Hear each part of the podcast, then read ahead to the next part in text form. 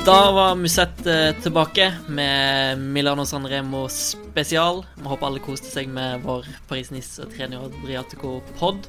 Eh, men nå er det viktigere ting for. Årets første monument. Eh, og gutta sitter her og kribler i fingrene, ikke sant? Theis Magelsen og Simon Esler. Endelig er våren her. La primavera.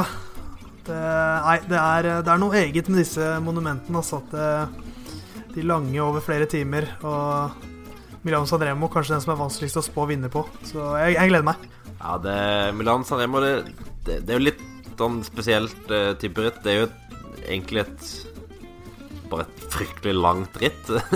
det, er jo, det, er jo det det er. Uh, sånn Sammenlignet med de andre monumentene, så er det jo ganske sånn litt sånn kjedelig type ritt. Det skjer ikke så fryktelig mye før siste tre mila tidligst. Kanskje ikke før siste Kanskje egentlig ikke før siste mila. Men uh, det er noe spesielt med det. Det er det, er det første, uh, og det er Det har en lengde som uh, krever noe av deg, og det gjør at det fortjener sin status som monument, syns jeg i hvert fall. Så. Det er en sånn nydelig italiensk opera syns jeg. Som liksom Det bygger seg opp, og så er det en sånn nydelig crescendo, og så er det den arien over Cipressa og Poggio, og så flott målgang på Via Roma. Det er liksom Det er en sånn sitring bare, man bare sitter og, venter på, på, det man vet kommer. Det blir fantastisk hvert eneste år. Så det, nei, det er magi. Så fra et TV-messig perspektiv så er jo det et utfattelig idiotisk konsept med sju timer eh, sykling, liksom. Men det er sånn pirring. Det er bare sitte og vente på, på at det skal, skal eksplodere. Så det er sånn veldig vanskelig å forklare. Men det er jo litt den utholdenhetstesten. Å sitte sju timer, 300 km på, på sykkelen. Det er litt sånn mytisk med det, da. Ja, det er jo litt uh, tilbake til gamle dagene, kan en si. Når en mm. hadde jevnlige etapper ritt på denne distansen og vel så det. Så ja. Sånn manndomsprøve. Det er en manndomsprøve som henger igjen. Uh, vi kan se litt på på løypa først, før vi tar fatt på andre ting. Eh, sjokkerende nok starte i Milano. Hvor går de i mål da, Simon? Eh, I eh, San Remo, tror jeg. Det er altså, ja. Som kasinoby, ikke Jo, kasinoby. Espen Lie skriver det i alle saker. ja, kasinoby. Men eh, starter i Milano. Eh, går sørover, dreier litt sørvest ned mot eh, liguriske kysten, vel, eh, via Paso del Turquino, og tar fatt på kysten mot, mot San Remo, der det dukker opp litt eh, utfordringer, Simon? Ja, det begynner jo med rett over uh, Rett over fem mil igjen. Så begynner du med de Capo-bakkene. Capo Mele, Capo Serva og Capo Berta. Hvor Capo Berta er den klart tøffeste av de, på halvannen kilometer på rundt uh, 6-7 uh, den kommer med i underkant av fire mil igjen. Og så er det en eh, mil inn til Cipressa, som er den første virkelige utfordringen. Eh, de Capobakkene er jo først for å bare dytte av de her eh, tullespurtene som av en eller annen grunn er med. Men så har du Cipressa, som er 5,5 km på 4% Toppen der med 22 km igjen. Og så er det raskt ned igjen. Eh, og Her har de faktisk gjort en endring i løypa si. Her har de lagt inn en sving gjennom byen. To svinger gjennom byen nede i lavland igjen, så det blir litt lavere fart. Det er årets store endring i Milan San Remo. Eh, i, på veien mellom Cipressa og Poggio eh, så kommer da starten på Poggio med rundt 10 km igjen. Det er òg en ganske sånn lite lite komplisert bakke. 3,5 km på i underkant av 4 hvor toppen nås med eh, 5,5-6 km igjen. Og så er det utfor ned til San Remo, hvor de siste to kilometerne er flatt. Så ikke noe nytt i særlig stor grad, men eh, ja. Det, det, selv om det ikke er så fryktelig hardt, så er det distansen som gjør det gang til gang. For det er jo aldri det er jo aldri store grupper som kommer inn til mål her. Det, det, det blir et realt utskillingsritt som alltid. Ja, det er alltid så overraskende hvor kort det er fra toppen av Poggio til mål. Altså, Jeg som ser og opplever sånn, det må være enda mer intenst for rytterne, liksom. Det, ja, du har veldig lite spillerom her til å ta det, ja, gjøre det riktige. Det er en sånn, Og så er, det, så er det kanskje litt det at du kjenner den finalen så godt også. Det er som å se en film for andre gang. Eller 74. gang i dette tilfellet. Sånn som du var liten og satt og spilte bilspill og liksom lente deg med kontrollen, Ja. så sitter du nedover svingen av OK, høyre, venstre Ja, men, men det er jo liksom det er akkurat det samme følelsen som når jeg ser de filmene jeg kan skikkelig godt. Så er det sånn, jeg gleder meg, å nå kommer snart den scenen. Og så er det, det er akkurat det samme som å se Milano Sanremo. Der jeg merker jeg får nesten frysninger bare å høre oss prate om Poggio og Cipressa osv. Det er liksom Og 3,5 km med under 4% det er jo egentlig barnemat.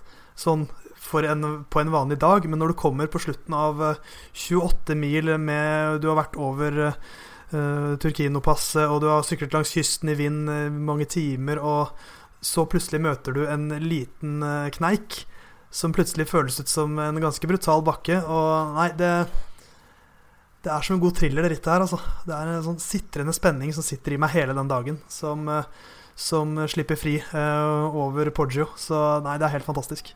Det som gjerne kan spille en stor rolle på Poggio, er jo vindretning. Så da kan vi spørre vår eh, vind-, vær- og løypeansvarlig Simon Nesler om hva, hva vindretning det er meldt for øyeblikket. Eh, nå husker jeg ikke helt vindretning, men det er meldt ganske lite vind. Det er meldt okay. sol og lite vind. Eh, det var vel en sted mellom 1 til 3 sekundmeter. Eh, Sør-vest, hvis jeg husker rett. Men eh, ja, relativt lite vind. Eh, og ja, sol òg, så det bør normalt sett gi ganske mange eh, samla, i hvert fall inn til Poggio. Så det kan jo ja, Enten det betyr det at det er mange som sitter med mye krutt i beina, at det blir masse angrep, eller så betyr det at det blir en stor gruppe inn mot mål. Så. Medvind er jo alltid fordel for, for angripere, for det har jo faktisk vært eh, Skal man kalle det seier for angriperne de to siste årene. Eh, I 2017, da, med Peter Sagan som litt overraskende for ganske mange angrep og dro med seg Kviato og Alaphilippe.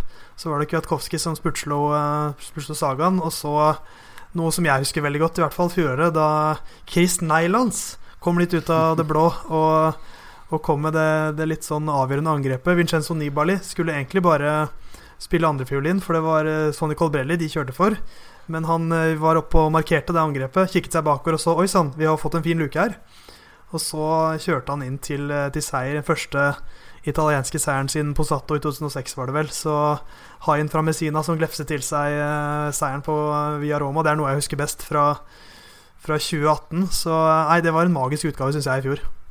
Ja, det, det var en sånn Sanremo som Sanremo skal være. Det, du kommer inn i Poggio og du tenker at ja, nå kan en haug med ryttere vinne hvis de klarer å ta, ha det, riktige angrepet. Eh, og det kan være en fem-seks stykk mann som kan vinne en spurt. Så det er jo sjarm med Sanremo at når du kommer inn i Poggio der du kommer inn med relativt eh, stort felt, så, så er det veldig mye som kan skje. Og eh, ja, i vår forrige podkast snakket om colombianere og kommentering og sånn. Det var ganske masse ryddig kommentering når Nibali vant i fjor. Der var det, i hvert fall for min del, så var masse gåsehud ute og gikk. Eh, Jeg fikk jo faktisk æren av å kommentere dette rittet på Eurosport, så jeg husker det veldig godt. Eller det vil si, jeg husker det litt fordi at det svartna litt for meg, husker jeg. For jeg syns, jeg, jeg, det, var, jeg syns det var så gøy at Vincenzo Nibali Ja. vant det rittet. Så nei, det var eh, Det var helt strålende. Det, jeg vet ikke hva jeg skal si om det, for det var så gøy. Jeg tror, jeg tror kanskje Kanskje det gøyeste rittopplevelsen jeg har hatt de siste årene. Det er liksom den og Matthew Heyman sin Paris Roubais-seier, Mm. som også selvfølgelig Kristoff sine monumentseiere også. Da mista jeg det fullstendig. Men, eh, men eh, det er noe magisk når sånne liksom uventede seire kommer. At Kristoff skulle vinne Milano Sanremo. Det var liksom ikke uventet på samme måte. Eh, det, er litt, det er ikke like hva skal man si, rart. Eh, for dette er jo kjent litt som et spurtritt. Selv om vi må tilbake til 2016 for å ha forrige, forrige massespurt, da Arnaud de Mar vant. Så Nei, jeg håper jeg, Vi kommer sikkert å få en magisk utgave i år også, på et eller annet vis. Vi kan hoppe videre da til eh, ja, favoritter i den eh, 110. utgaven av rittet. Og ja, vi kan starte med UAE, da, som har to, to sterke kort. Er vel naturlig å starte der, tenker jeg. Ja, det Nå kommer vi på en måte til den virkelig, virkelig ilddåpen for det samarbeidet. Det er greit nok med UAE-tur. Alex leverte bra i opptrekkene der. Men eh, nå kommer begge to med store ambisjoner. Eh, Sanremo er et av de aller viktigste rittene i eh, sesongen for Kristoff. Han har jo, ifølge Steinar, så sa han at eh, at Alexander har det i kontrakten at Sanremo er et viktig ritt for han. Så det, det, er et ritt som betyr fryktelig mye for han, og det, det er nok hans beste vinnersjanse i et monument òg. Eh, og han altså I 2013 vant han spurten i hovedfeltet, ble nummer åtte. Og så vant han hele rittet året etterpå, ble nummer to i 2015. Og så seks i 2016, men da var han egentlig kanskje litt uheldig. Eh, at det ble litt kluss i opptrekk, og at han havnet altfor langt bak. Etter egentlig å ha vært i strålende posisjon over Poggio. Eh, og så vant han spurten hovedfeltet i 2017, og ble nummer fire i fjor. Eh, nummer tre da i hovedfeltet. Så han har jo bevist her gang på gang på gang at han er strålende i dette rittet. For det er jo det som Kristoff har, har, mot Gaviria i det rittet her, er at han har jo historien på sin side. Som Simon sier her, han har vunnet spurten i, spurten i Sanremo tre av de siste seks gangene. Og en av de kunne han kanskje vunnet, hadde ikke vært for en Guarnieri som vel var ganske tom på krefter. Mm. Uh, så, og Gaviria han veltet vel fra en mulig topplass i 2016. Kanskje kunne han vunnet det, hvem vet. Uh, da DeMar vant, og så ble han nummer fem i 2017. Plassen bak Kristoff, og så startet han ikke rittet i fjor. Så ehm, Jeg vet ikke. Jeg syns liksom ikke Altså Nå er jeg veldig norsk i både pass og hode. Så jeg ville jo kanskje sagt at Kristoff kanskje er det sikreste valget. I og med at han har vist nå seks år på rad at han alltid er der når det skal avgjøres. Altså Han er jo ekstremt stabil og resultatgarantist, men uh, greia er vel at Gaviria har X-faktoren. Ja, Gaviria har jo veldig X-faktor. Eh, og han har jo Det er jo ingen som bestrider at uh, han har en høyere sånn toppfart og en høyere ren akselerasjon og sånt. Men ja, det er det å bevise det etter 29 mil. Det har Kristoff vist gang på gang, mens Skavire ikke har gjort det. Så det er jo det som er det lille spørsmålet, og som kan gjøre at Kristoff får sjansen. Men, men jeg, har vanskelig for å se det at Gavira kommer til å gjøre et opptrekk for Kristoff hvis de kommer ned på Via Roma sammen. Eh, da vil det nok være motsatt. Ja, nei, det, det tror jeg Jeg er veldig, jeg er veldig enig. Uh, vi kan, hvis man ser litt på sånn historien med tidligere vinnere, så er det jo liksom de forrige spurterne som har vunnet. Det er Arnaud DeMar, det er John Danekolb, det er, det er Kristoff, det er uh, I, i massespurter da, så var det Matt Goss vant i massespurt. Uh, det er jo ikke, ikke de raskeste.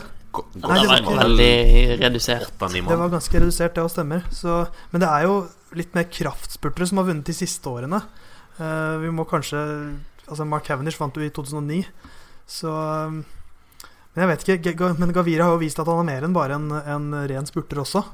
Han har jo vist seg som ganske hardfør, og i det året hvor han veltet, så tror jeg nok han hadde vært uh, topp fem, garantert. Og det som er litt sånn kinkig med Sanremo, er jo at jeg tror både Alex og, og Gavire kommer til å sitte med over Poggio og sitte i feltet inn på Via Roma. Men det er veldig vanskelig å si hvordan beina dine responderer i en spurt etter 300 km. Så det kan være at eh, Gavira sier OK, vi kjører for meg her, og så har han null punch igjen, og så har Alex kjempebein. Uh, spurt inn til andre, tredje, fjerde plass, men fordi han sitter sitt feil når han starter spurten. da. Jeg tror uansett at hvis de to kommer inn sammen, og Kristoff kjører et opptrekk, så kommer han nok til å kjøre et veldig kort opptrekk. Jeg tror nok han prøver egentlig bare å åpne spurten ved 250-300 meter igjen og ha Gavira på hjul. Og at han sånn sett òg spurte over et eget resultat, om de havner i den situasjonen. Eh, så jeg ser selv for meg at han skal kjøre et eh, opptrekk fra kilometersmerket og inn. Men igjen så 350 meter er veldig langt på Via Roma. Ja, det var det han prøvde i 2015. Det gikk akkurat ikke. Det gikk jo nesten. Og, men hvis man ser litt på hva, hva kommer UAE til å sitte med der, hvem, hvem, har de i laget sitt som kan henge med? I fjor hadde de bare Kristoff i første gruppa. Eh, ben Swift ble nest beste fra UAE. Han var 30 sekunder bak. Um, det, kan det skje at de, at de får en Ok, eh, gjør så godt dere kan, begge to. Kjør for dere selv. kan de være så dristige at de spiller, spiller på en måte to mot meg? Altså At det blir sånn Ok, prøv å ikke ødelegge for hverandre, men prøv å vinne begge to. Litt sånn som eh, Fanao og Gilbert gjorde da Kristoff selv vant. Det gikk jo ikke bra. Men nå er jo ikke de like gode spurtere. Så uh, eller, eller, kan det være at de heller kjører en Ok, Fernando, du tar hjulet til Alex. Alex, du kjører for å vinne. Ja, jeg tror det er den, det mest realistiske scenarioet. Men uh, det er et godt spørsmål hvor mange de kommer til å sitte med. De stiller jo Nå er jo ikke lagene klare, uh, men de stiller jo med ja, Bystrøm skal jo. Ja, syv mann. uh, Bystrøm, Bystrøm skal der. Philipsen tror jeg skal der. og så sikkert Marcato og Troya eller noe sånt. Eller Sutherland, og så kanskje Kanskje Ulissi òg. Ulissi hadde jo egentlig hatt en fin mann å ha med, for han bør sitte med over Poggio. Uh, jeg tenker nesten at Bystrøm er den som fort kan finne på å sitte igjen. Det hadde ikke overrasket meg. Han, jeg syns han viser, viser, fin form for tiden. Så, og så har de jo Jeg vil vel kanskje tro at det er Neil Stevens som skal være sportsdirektør her. Jeg, jeg, han var i hvert fall det i UAE-tor. Uh, eh, han snakker jo strålende spansk og er jo en ny, nyerværing fra Mitchelton Scott, så så de har jo en litt mer hva skal man si, erfaren og, og merittert sportsdirektør, som jeg tror sikkert ikke har noe problem med å kommunisere med dem begge, i hvert fall. Så det er jo et aspekt her, det òg. Men uh, nei, jeg tror nok som sagt at, at, at, det ikke kommer til å være mange der. Og at de Hadde jeg vært sportsdirektør for UAE, som er en veldig rar tanke, så, så tror jeg jeg hadde sagt Fernando, ta hjulet til Alex. Alex, du kjører for seier. Mm. Men du har Fernando på hjulet, og han kommer til å kjøre for seier, han òg det er litt sånn usikkerhetsmoment her nå, at ingen av de egentlig har imponert i Paris-Nice eller Trienne Adriatico. Eh, hadde mange uhell og sånt i Paris-Nice, eh, men eh, ja Det var likevel ikke Du sitter jo der du sitter av en grunn, som regel, og, eh, og, og på den etappen hvor han var med helt, hele veien inn, da, så, så rota han jo litt til i spurten sjøl. Uh, mens på den andre etappen så var det jo en velt, og han fikk han vel en sykkel med litt gir som ikke var helt optimalt. Men uh, Gaviria var Han ble nummer tre på den ene spurtappen, men jeg syns ikke han imponerte der og var helt vekke på den andre. Så jeg spurte jo uh, både Stein og Alex etter den andre etappen i Prisnis, når de hadde kjørt seg av i sidevind for andre gang på andre dag på rad. Om han følte noe press for å få ned resultat inn mot Saremo for å bevise at jeg er i form, men han følte ikke noe press da. Eh, og han hang med, i hvert fall på de to neste spurtappene. Men det er ingen av de som kommer inn med strålende sjøltillit, tror jeg. Jeg syns vi har ingrediensene til den perfekte stormen her. Begge to har dårlig, litt sånn smådårlig inngang, litt sånn usikkerhet. Begge to kjører for seier. Ja, jeg, jeg kjenner jeg blir svett av å snakke om det her, altså. Men, men når, når, når, var sist den, den, største favoritten vant Milan San Remo? Jeg, jeg syns jo ikke vi kan si at det har skjedd de siste årene. Og Det er liksom, det er ikke alltid sånn dumt. Og jeg, jeg tror bare Gaviri er godt vant, for han er vant til Alex som opptrekker, og da får du starte fra perfekt posisjon hver gang. Så det kan godt hende at, at det funker som bare det. Ja, jeg, jeg, tenkte mest Ja, ja, jo, ja. For all del. For all del. Nei, det, det, det, er et godt poeng, det, Theis. For det er jo Sagaen som måtte ha vært den største favoritten nå i en årrekke, men han har jo aldri vunnet. Så det kan jo være at Sagaen-forbannelsen ble, for, ble brutt i år, men jeg sliter litt med å se det, egentlig. Ja. Og vi eh, nevnte det vel litt i den eh, ja, Gabira Kristoff-podden vår, at Kristoff eh, er ekstremt god når han kommer fra utfordrerposisjon. Eh, da skjer det noe med han mentalt, og ja Så det kan være en bra tilnærming her.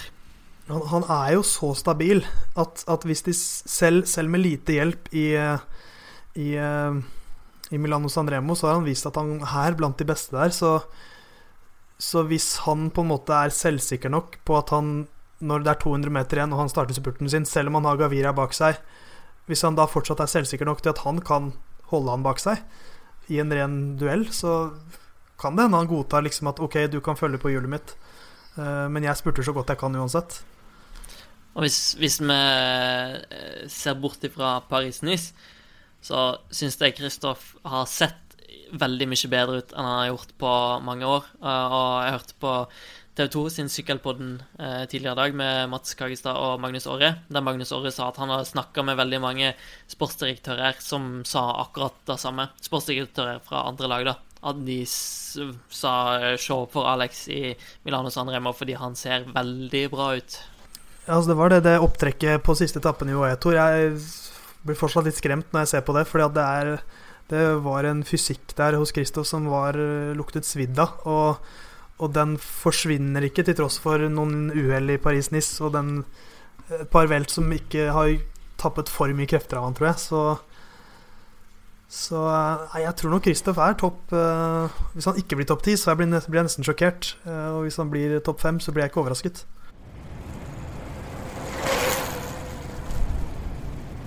Sa jo at uh, Simon sa at Sagan har vært den store favoritten alle de siste årene. Uh, nå har han vært sjuk i forkant av Tireno. Ikke uh, veldig overbevisende i Tireno, så han har vel kanskje ikke samme favorittstatusen i år.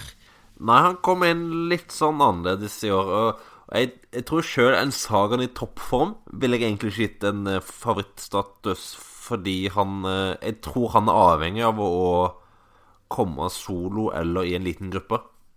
Eh, og da fins det ryttere som går bedre enn han i bakken, normalt sett. Eh, for nå har de Sam Bennett med på laget. Bennett har kjørt Sanremo tre ganger før. Aldri vært med i første gruppe, men eh, har sett strålende ut så langt i sesongen. Har åpenbart tatt steg i bakken de siste to-tre sesongene òg. Eh, så jeg, han bør jo egentlig være kortet deres i en spurt. Eh, med den farten han har inne. Og så bør Sagan egentlig prøve å, å gjøre noe før, tror jeg. Jeg, ja. jeg, jeg, tror ikke han bør sitte og vente. Jeg tror, ja, jeg tror det er riktig taktikk. Så, så, fremt så klart Bennett sitter med inn i Poggio, så bør jo Sagan gå nærmest all in opp Poggio. Uh, se om han ja, klarer å få en bra konstellasjon være der. Uh, og prøve å spille kald inn mot finalen. Jeg har prøvd før, men uten å uten å lykkes. Eh, og så eventuelt kjøre opptrekk for Bennett da, hvis de blir, blir kjørt inn igjen. For Bennett har jo endra Siste året endra litt på treningsopplegget sitt. Eh, trent mer utholdenhet, eh, som han sier og sjøl, og viser på resultatene i listene at de gir avkastning i flere, flere seire. Ja, Han viste jo det i Giron i fjor. At han, da, da, han framsto så mye mer hardfør enn det han har vært tidligere. Han har jo ikke syklet Milano Sanremo siden, uh, siden, 2017. Så han vant jo tre etapper i Giron i fjor. Uh, hang med på en del litt krevende spurtetapper der også, så jeg føler meg trygg på at han kommer til å sitte der, altså. Og Sagan, altså, vi var inne på det så vidt. Uh, Sagan har jo veldig dårlig spurtstatistikk inne i, selve Sanremo, både via Roma og den gamle avslutningen. Han har vel vunnet en spurt én gang, og det var i 2012. Men var, da var det for en uh, for en fjerdeplass eh, bak eh, Jerns og kanskje Lara Nibali. Eh, og så har han jo blitt slått av Chiolek, han har slått av Kwiatkowski, ryttere som han eh, Jeg bare gikk gjennom det kort nå før vi starta. Jeg tror han totalt sett har blitt slått av de fem ganger i, i spurt, eh, hvorav ingen av de har eh, eh én av de har vært om en seier, i den grad at Kvetkovskij vant E3 mann mot mann mot Sagan i 2016. Men uh, han, han fikser ikke helt den, uh, den spurten. Virker som selvfølgelig mye fordi alle ser på han, han gjør mye jobb. Og akkurat derfor så tror jeg han må komme av gårde. Og da har Bennett, nei, Bård en veldig fin duo å spille på i Sagan og Bennett. Litt det samme som eh, Quickstep har, da, for så vidt med Elia Viviani og eh, Ja, de har en trio bak der, egentlig, som kan, kan få til noe med Stenning Stybar, Philip Gilbert og Julian Alaphilippe, som sto på podiet i 2017. Ja, Hvis det ikke kom et angrep på Alaphilippe, så blir, eh, må hun si at en er skuffa. For det er jo hans mulighet til å vinne rittet på, og han er jo klart en av eh, de største Han er ikke en favoritt, men en av de største outsiderne, for å si det på den måten, da. Eh, så det må jo komme noe angrep der, med mindre Viviane sier at han har de beste beina han har hatt i sin karriere. Ja, for jeg sitter nesten og tenker at uh, at Viviani kanskje er den største favoritten i mitt hode. Eh, selv om han har litt samme greia som Bennett, at han ikke har noen virkelig Han har vel en niendeplass, og så ble han nummer 19 i fjor i Sanremo. San Remo. Men han er også en rytter som har etablert seg virkelig i toppen på spurtelista, og som også tåler litt bank, så hun har et veldig godt lag i ryggen. Og virker å være i bra slag, og har liksom den der evnen til å veilede seg selv fram mot mål nesten uansett hva som skjer, så jeg vet ikke om kanskje han for meg er den største favoritten.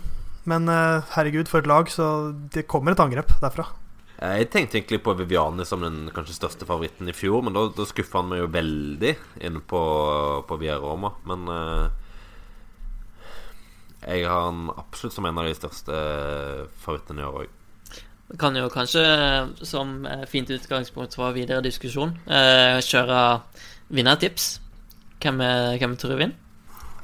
Hvem skal gå først, eh, Knut? Du, den som, eh, den som tar det opp, får bestemme det. Eh, Simon eh, ser mest eh, panisk ut, så han kan få Han kan få begynne. Uh, greit. Um, jeg tror det blir en, et nytt år uten uh, spurt. Eller ja, at vinneren ikke kommer fra en, en masse spurt. Og da ser jeg til en fyr som imponerte meg veldig på den siste etappen i Paris-Nice. Både i bakkene og viste igjen at han har en relativt eh, fin spurt. Det stedet i en eh, spurt på en tre-fem ryttere. Så det går jo for Oliver Nasen. Ikke Jonisa Geralt. Nei. Nasen, du. Mann som ikke vinner så veldig mye. Det hadde vært, eh, det hadde vært ganske rått. Eh, er det meg, da? Eh, Knut? Uh, Eller vil ja, du gå først? Ja, jeg kan eh, Jeg kan gå for en, en, du går først? Du går først. en, Du går en favoritt, og så kan jeg ta en uh, outsider. Nei, kun én. Kun én. Kun én. Så kan vi snakke om outsider etterpå. OK, greit. greit uh, Jeg går for Viviani. Ok, vi har jo av, av nevnte grunner. Ja. Uh, jeg skal ta uh, et litt dristig valg. Som er en mann vi ikke har nevnt så langt. Men han vant spurten i feltet i fjor, og han heter Caleb Youn. Ja, den er ikke dum. Han var overlegen i den spurten i fjor, så han eh, takler åpenbart distansen bra. Han takler bakkene bra, det vet vi jo fra de eh, sånn som han har kjørt i år. Eh, og når du setter det sammen, så får du at han òg har en veldig god spurt. Han har kanskje ikke den råeste spurten, men etter den type ritt så kan han ha kanskje den råeste spurten. Og, for, og fordel, fordelen hans Eller han så, han så meget bra ut på Hatta-demningen, der han jo vant. Der Kristoff brakk sykkelen sin. Eh, men eh, fordelen til eh, Caleb er jo at han er soleklar kaptein i Lotto Sodal. Det er ikke noe spørsmål engang hvem de kjører for om det går til en spurt. Så har de liksom ah, Jens Kaukeler kanskje som han kan finne på noe et eller annet, men jeg, jeg tror de kjører all in for Caleb. Så han har i hvert fall den tryggheten som ikke Kristoff eller Gaviria f.eks. har. Så derfor går jeg for han. Hadde Lotto gjort som veldig mange andre lag, så ville de kanskje slengt med Tispinot og Tim Velens. Jeg tror de er veldig bestemt på å bare beskytte UN eh, så godt de kan hele veien til, til oppløpet på Via Roma. Ja, for det, De kunne tatt med Benoto og Wellens, men de er jo ikke verdens beste spurtere, må vi kunne si. Og du må, du må ha en brukbar finish, for det er veldig sjelden du kommer alene til mål. Nibali et unntak i fjor, selvfølgelig, men når selv Sagaen kan tape en spurt når han kommer til mål i et brudd, så, så nytter det ikke å være Tish Benot og komme dit som mannen uten spurt. Nei. Det- Men Sanremo handler jo litt om å slenge ut litt diverse kort, da. Ja. Fordi det er så uforutsigbart og vanskelig å, å vinne. Ja, det er alltid, jeg syns alltid det er fascinerende å se liksom på på hvilke brudd som går inn. Det var unikt med Nibali i fjor. Han er en god utforkjører. Men hvis du ser på når, når det har gått, gått inn brudd tidligere, så syns jeg ofte det er liksom det, det viktigste er at det er én mann i det bruddet som har bestemt seg for at dette skal inn. I 2017 så følte jeg det var Sagaen. Eh, hvis vi kan se på da Mm. Cancellara, da han ble nummer to, så, eller da, Ja. da Chiolek vant, da var det vel Cancellara som ofte hadde bestemt seg. Og det var vel året før også, da Jerens vant. Så det er liksom Hvis det er én i det bruddet, for det er så kort fra toppen av Portugal til mål Hvis det er én i bruddet som har bestemt seg, så går det ofte inn, altså. Så det er litt uh, den at liksom Hvis det bryter sammen samarbeidet, så er feltet der med en gang. Så det er det som er så spennende å se hvem som går på Poggio, og hvem som da blir sittende igjen, og om de klarer å samarbeide. Det er så avgjørende. Og det er jo mange eh, spennende lag som kommer. Mange ryttere som nok er ute til angrep. Eh, ja, jeg gikk jo for Nasen nå. De, de kom jo med Roman Bardet, som åpenbart må angripe hvis han skal ha noe å gjøre i det rittet. Eh, Alejandro Valverde har meldt sin ankomst. Eh, vært litt sånn småsjuk, men vi vet jo hva han eh, får til i lange ritt med litt bakker på slutt. Uh, og så Jeg ga en hyllest til Alberto Bertiol i forrige pod. De kom jo med Bertiol og Simon Clark, som begge var strålende nå i Treno Adriatico. Uh, I tillegg til at vel Sasha Mordolo er et spurtkort. Og så har du Bahrain Merida, som jo da kom med Nibali. De kom med Sonny Colbrelli, som uh, Han innser jo at han er ikke god nok til å vinne en spurt, tror jeg, så han vil nok òg prøve seg på noe stunt hvis han skal vinne, så må han egentlig gjøre det. Og de har jo òg Mohoric, Toynes Så det er mange lag som er veldig spennende å følge med på. Så, så er det én mann som vi ikke har nevnt ennå. Hvis vi skal se litt på, på, andre spurtere som ikke er nevnt, da. Eh, Arno de Mar, eh, tidligere, tidligere vinner. Men eh, mannen jeg tenkte mest på, var jo eh, Dylan Grønveggen. Som får med seg Amund Grøndal Jansen litt plutselig. De har også Wout van Ert og Danny van Poppel. Eh, er noen kandidater der òg. Ja, de har vel Toynissen òg, som er en mm. klatrer, klatrer ganske bra og har en ok spurt. Så eh, ja, det var en liten uh, U-sving på Grønneveien. Han sa jo senest under Paris-Nice at han uh, ikke skulle kjøre San Remo.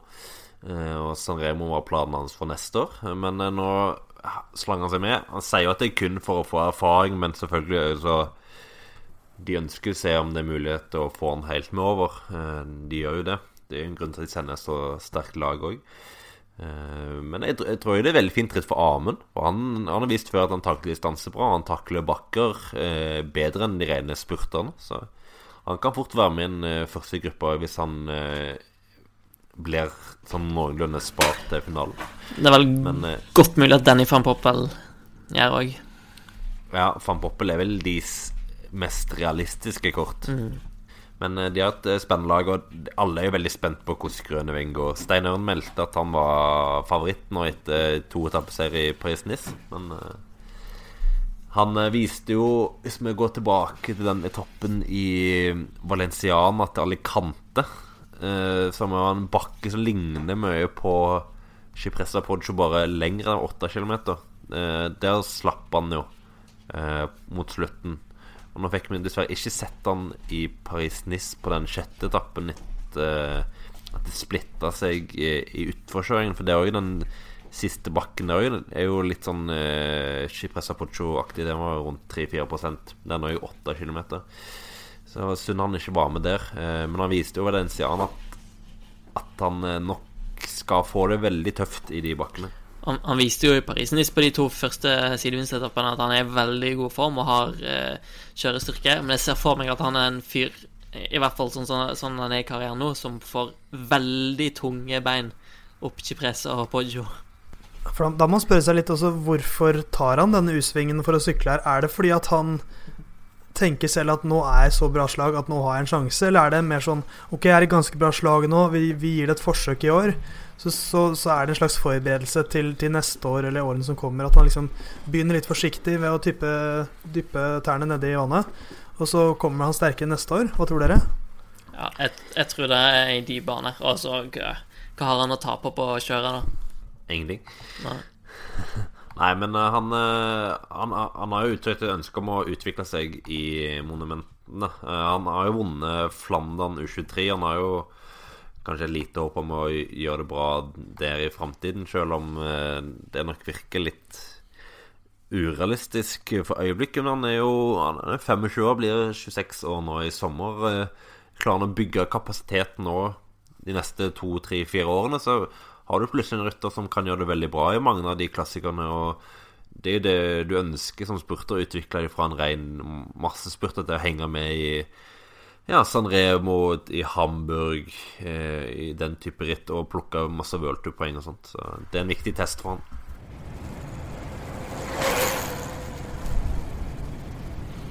Før vi avslutter, så tenkte jeg at vi kunne Nå har vi valgt oss én favoritt, som ble, ble, da Viviani, Juen og Nasen. Nasen var det, stemmer det. Jeg har glemt det allerede. Mange vil si at Nasen er en dark horse, men det er jo eh, en favoritt her.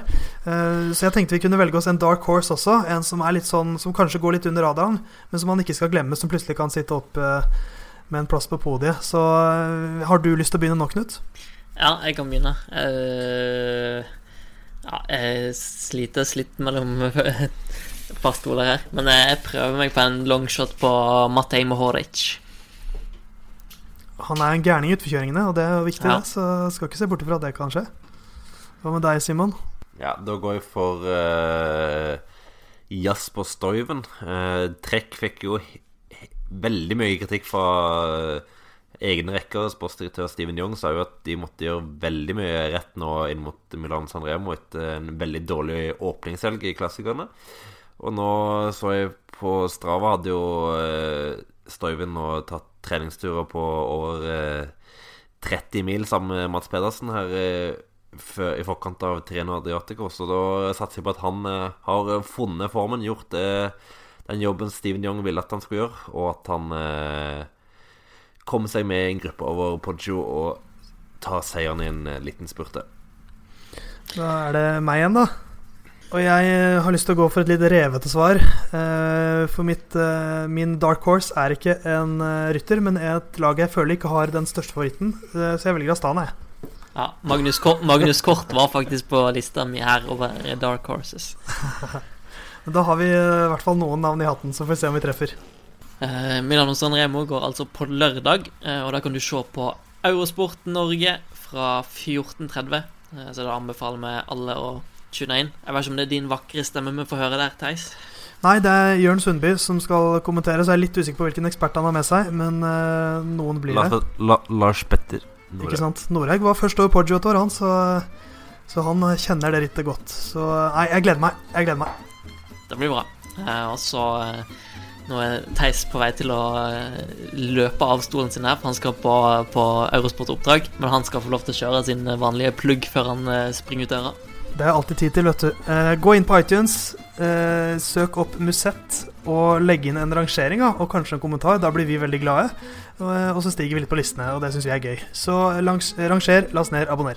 Og eh, så er vi òg på Spotify nå, så eh, hvis folk foretrekker den tjenesten, så er det bare til å høre der. Og så eh, gleder vi oss veldig masse til San Remo. Vi skal sende Jarle Fredagsvik nedover dit for å dekke rittet.